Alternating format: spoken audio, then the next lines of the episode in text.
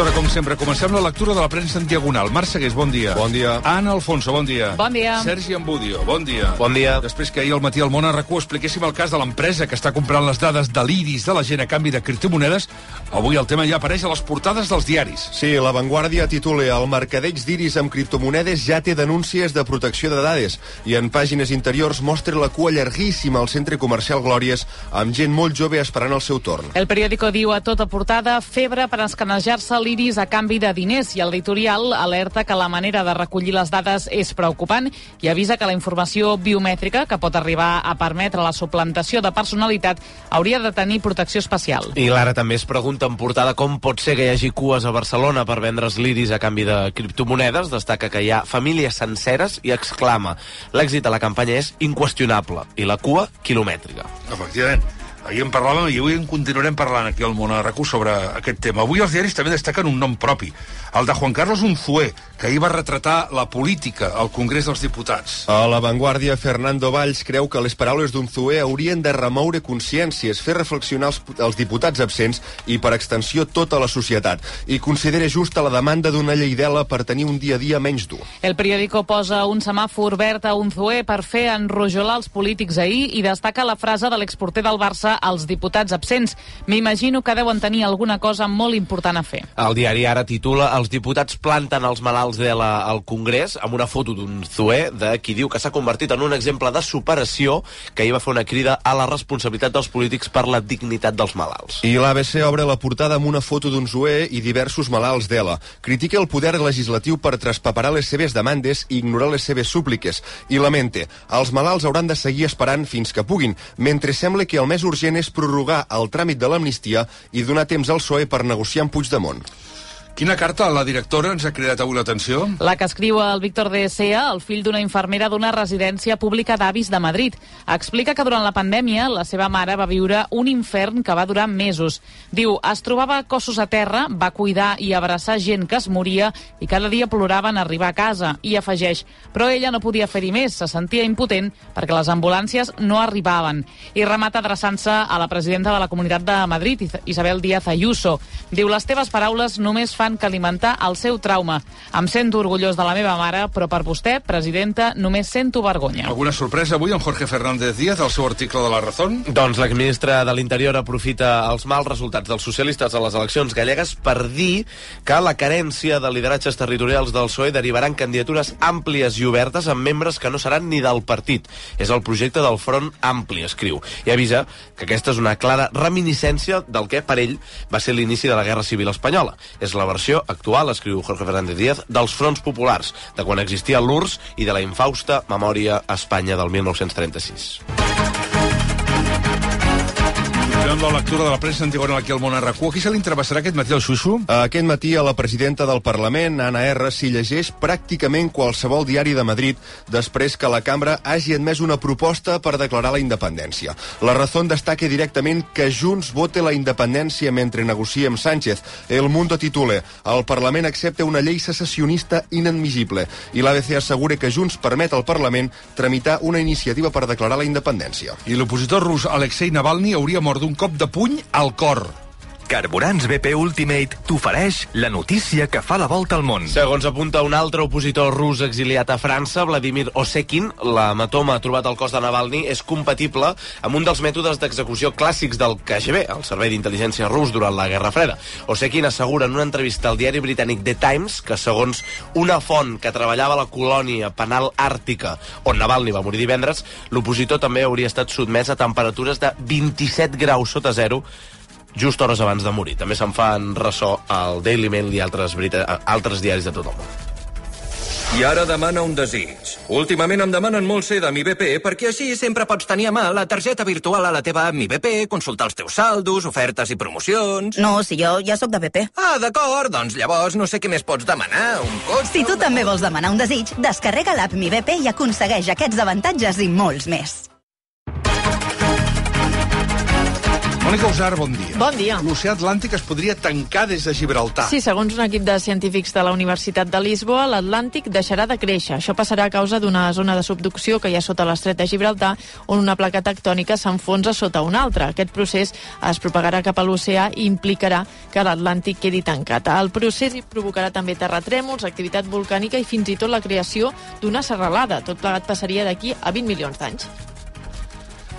I la mítica torre del Banc Sabadell a l'Avinguda Diagonal de Barcelona tindrà nou nom. Sí, l'icònic edifici de la Cruïlla de l'Avinguda amb el carrer Balmes, seu central del banc durant dècades, passarà a dir-se Diagonal Vertical. Està en plena rehabilitació integral i s'hi renovarà tot l'interior, però conservarà completament la façana. Això sí, segons explica La Vanguardia, adaptada als nous criteris d'eficiència. I el TDA pot haver estat un avantatge evolutiu. Ah. Sí, almenys així ho afirma una investigació de la Universitat de Pennsylvania, als Estats Units. Tot i que ara el dèficit d'atenció i la hiperactivitat es consideren trastorns negatius, fa segles podrien haver estat tot el contrari. Segons els investigadors, la hiperactivitat era precisament molt positiva a l'hora de recol·lectar menjar. Es dedueix que els humans que en tenien eren molt més actius i menys organitzats i això els feia trobar més menjar. Ho llegim a The Guardian. Demanen retirar un xarop per la tos perquè el fan servir per fer còctels. Sí, es tracta d'un medicament que conté codeïna, un analgèsic opioide que pot generar addicció i que el Regne Unit està desfermant el caos a les farmàcies. Les autoritats sanitàries han advertit que hi ha hagut un augment de la compra d'aquest producte perquè la gent el busque per barrejar-lo als còctels. Per frenar aquesta bogeria, ara caldrà recepta per comprar-lo. Ho llegim a The Times. Doncs hi ha uns, uns carmelos per la tos que porten codeïna. Els estrèpsils. Mm. Quan tens allò, allò, porten codeïna. Bueno, la fusió entre Orange i Masmòvil suposa la creació de l'operador de telefonia més gran d'Espanya. Santanderesmusic.com t'ofereix la notícia econòmica. La Comissió Europea ja li ha donat llum verda definitiva. Això sí, sempre que l'empresa conjunta cedeixi una part de la xarxa mòbil al grup Digi, que és el seu competidor directe. És la solució que han trobat per tal de garantir la competència. La Comissió Europea s'encarregarà de contractar un supervisor independent per comprovar-ho. Ho recullen tots els mitjans de Madrid. Quan alguna cosa t'agrada molt, saltes. Salta amb el Santander a descomptes en festivals i concerts. A prevenda exclusiva d'entrades i a meet and greet amb artistes. Només per ser del Santander. Viu la cultura i el millor contingut musical a santanderesmusic.com. Salta amb el Santander. Santander, per tu, els primers. Què ens ha aparegut a TikTok a tres quarts pràcticament de vuit del matí? Doncs un malalt una mica exagerat. Estoy resfriado y cuando estoy enfermo me gusta hacer como que soy un niño del siglo XV, falleciendo de tifus. I com seria un nen del segle XV morint de tifus? Així. Padre, las fiebres me consumen. Acercaos, acercaos, sean sinceros. ¿Creen que viviré para ver florecer las amapolas? Ir como el Señor llamada al párroco. Es menester tener el permiso del Señor. Jamás quise partir así. Maldito sea este vilipendio miserable. Padre, lamento no poder ejercer labor y no colaborar al diezmo de este jornal. Llamada alquimista. Quizá tenga algún cuento. ¡Ay, monseñor! Enterradme más allá de las lindes del reino. Contad mis gestos con buena memoria. La parca me aguarda, apenas a 20 leguas. Trobareu el vídeo al perfil de TikTok Pablo Meixe amb X. Premsa esportiva. Albert Pedrol, bon dia. Bon dia. Assistència sanitària. La dels metges patrocina aquesta secció. Els diaris toquen el crostó, per, per cert que l'he- pifiat, eh? el doctor Jaume Pedrós m'està corregint. El que porta és lidocaïna, l'estrepsil. Si no aneu a comprar... no aneu a comprar. Estrepsils. Gràcies, doctor Pedrós. Uh, els diaris toquen el crostó Frenkie de Jong després de criticar la premsa abans del partit de Champions contra el Nàpols. Santinolla Mundo Deportivo recorda al neerlandès que normalment les fonts surten de dins del club o dels representants. Afirma que la premsa no s'inventa coses i afegeix que al vestidor del Barça hi ha una sensibilitat excessiva. A l'avantguàrdia, Joan Jopallàs hi coincideix. Diu que De Jong va deixar escapar il·lesa la directiva en les seves crítiques, una directiva que són una font d'aquestes informacions i li recorda que fa dos anys ja el van posar al mercat sense el seu consentiment. El diari Esport Lluís Miguel Sanz escriu que potser De Jong no va encertar a parlar d'una situació personal abans d'un partit tan transcendental i el país, Juan Irigoyen, conclou que per De Jong la presa fàcil ha estat la premsa, mentre que Francisco Cabezas al periòdico conclou que el neerlandès va intentar evitar els dirigents que són els qui tramen la seva venda. I acomiaden un futbolista professional per mentir en una aplicació de cites. Sí, es tracta del Besiktas de Turquia que ha fet fora Emiran Delibas. Segons llegim a diversos mitjans, el futbolista va dir que tenia 24 anys, quan en realitat en té 21, i va posar que buscava una cosa casual i que no buscava res seriós, cosa que tampoc no va agradar gens al club. El futbolista assegura que el perfil és fals, però el Besiktas ha tirat pel dret i li ha rescindit el contracte. O sigui, per dir que en lloc de 24 anys en té 21 i per dir que, i per dir que buscava una cosa casual i res seriosa. Per ser massa transparent, segurament, sí, sí, no, no els va agradar gens ni mica.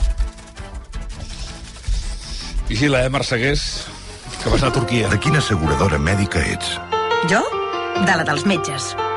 De la dels metges, és clar. Som de la dels metges. Assistència sanitària. Creada, gestionada, dirigida i recomanada per metges. Assistència sanitària. La dels metges. La notícia fric. Lloguer segur. Sempre al teu costat. Patrocina aquest espai. Eh, per cert, gràcies a tots els que m'heu dit que no porta codeïna, que porta silocaïna a les trèpsils. No hi ha res com ser un negat per aquestes coses. Jo ja veia la gent fent còctels. No, no, no, no. no. gràcies a Albert, gràcies al, al Quico, gràcies al Raimon, gràcies, i sobretot al doctor Pedrós. Jordi Somell, bon dia. Bon dia. Una cadena internacional de cafeteries ofereix als locals de la Xina un cafè amb gust de porc. Ah, va, la creació... va, fora, fora, va, Home, deixa'm-ho explicar. Deixa ja, ja ho he picat. La creació s'ha posat a la venda coincidint amb la celebració de l'any nou xinès. Combina l'aroma del porc de Dong Po estofat en una creació de sabor salat i dolç. Segons l'empresa, la beguda forma part d'una campanya per ressaltar els gustos locals i subratllar els costums tradicionals. Estem a un pas del, del cafè amb calçot.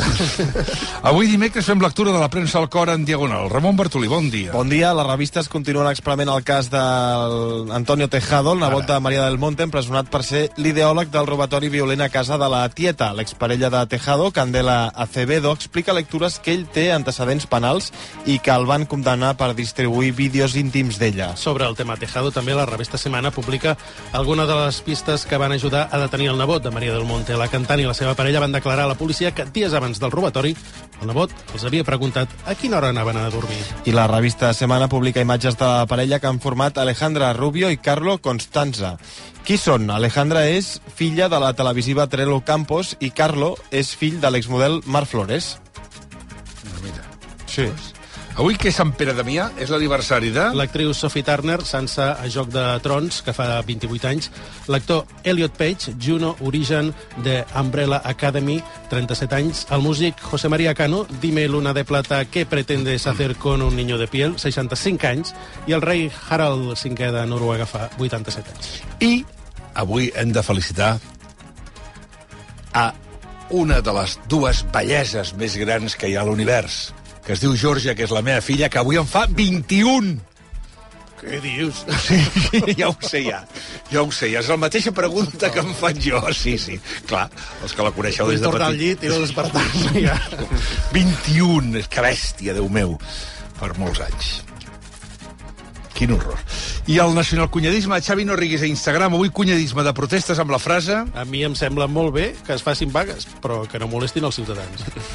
L'averia del cotxe, la universitat de l'Anna... No sé com arribaré a final de mes. Tranquil. Si llogues el teu pis amb lloguer segur, pots sol·licitar l'avançament de fins a 3 anys de renda per fer front a imprevistos econòmics o nous projectes. Informa't a lloguersegur.cat o al 910 775 775. Lloguer segur, la reevolució del lloguer.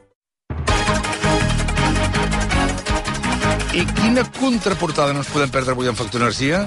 La de l'ABC, que destaca el poder de les xarxes i de les gravacions anònimes a partir de l'enganxada al cantant mexicà Peso Pluma. I és que un jove va gravar l'artista al cinquè més escoltat de l'any en un hotel de Las Vegas després de la Super Bowl amb una dona que no és la seva parella, la també famosíssima Nicky Nicole. Les imatges no només es van viralitzar de seguida, sinó que també han desfermat una crisi entre els fans, sobretot des que la rapera argentina esclatés a plorar en un concert a Guatemala.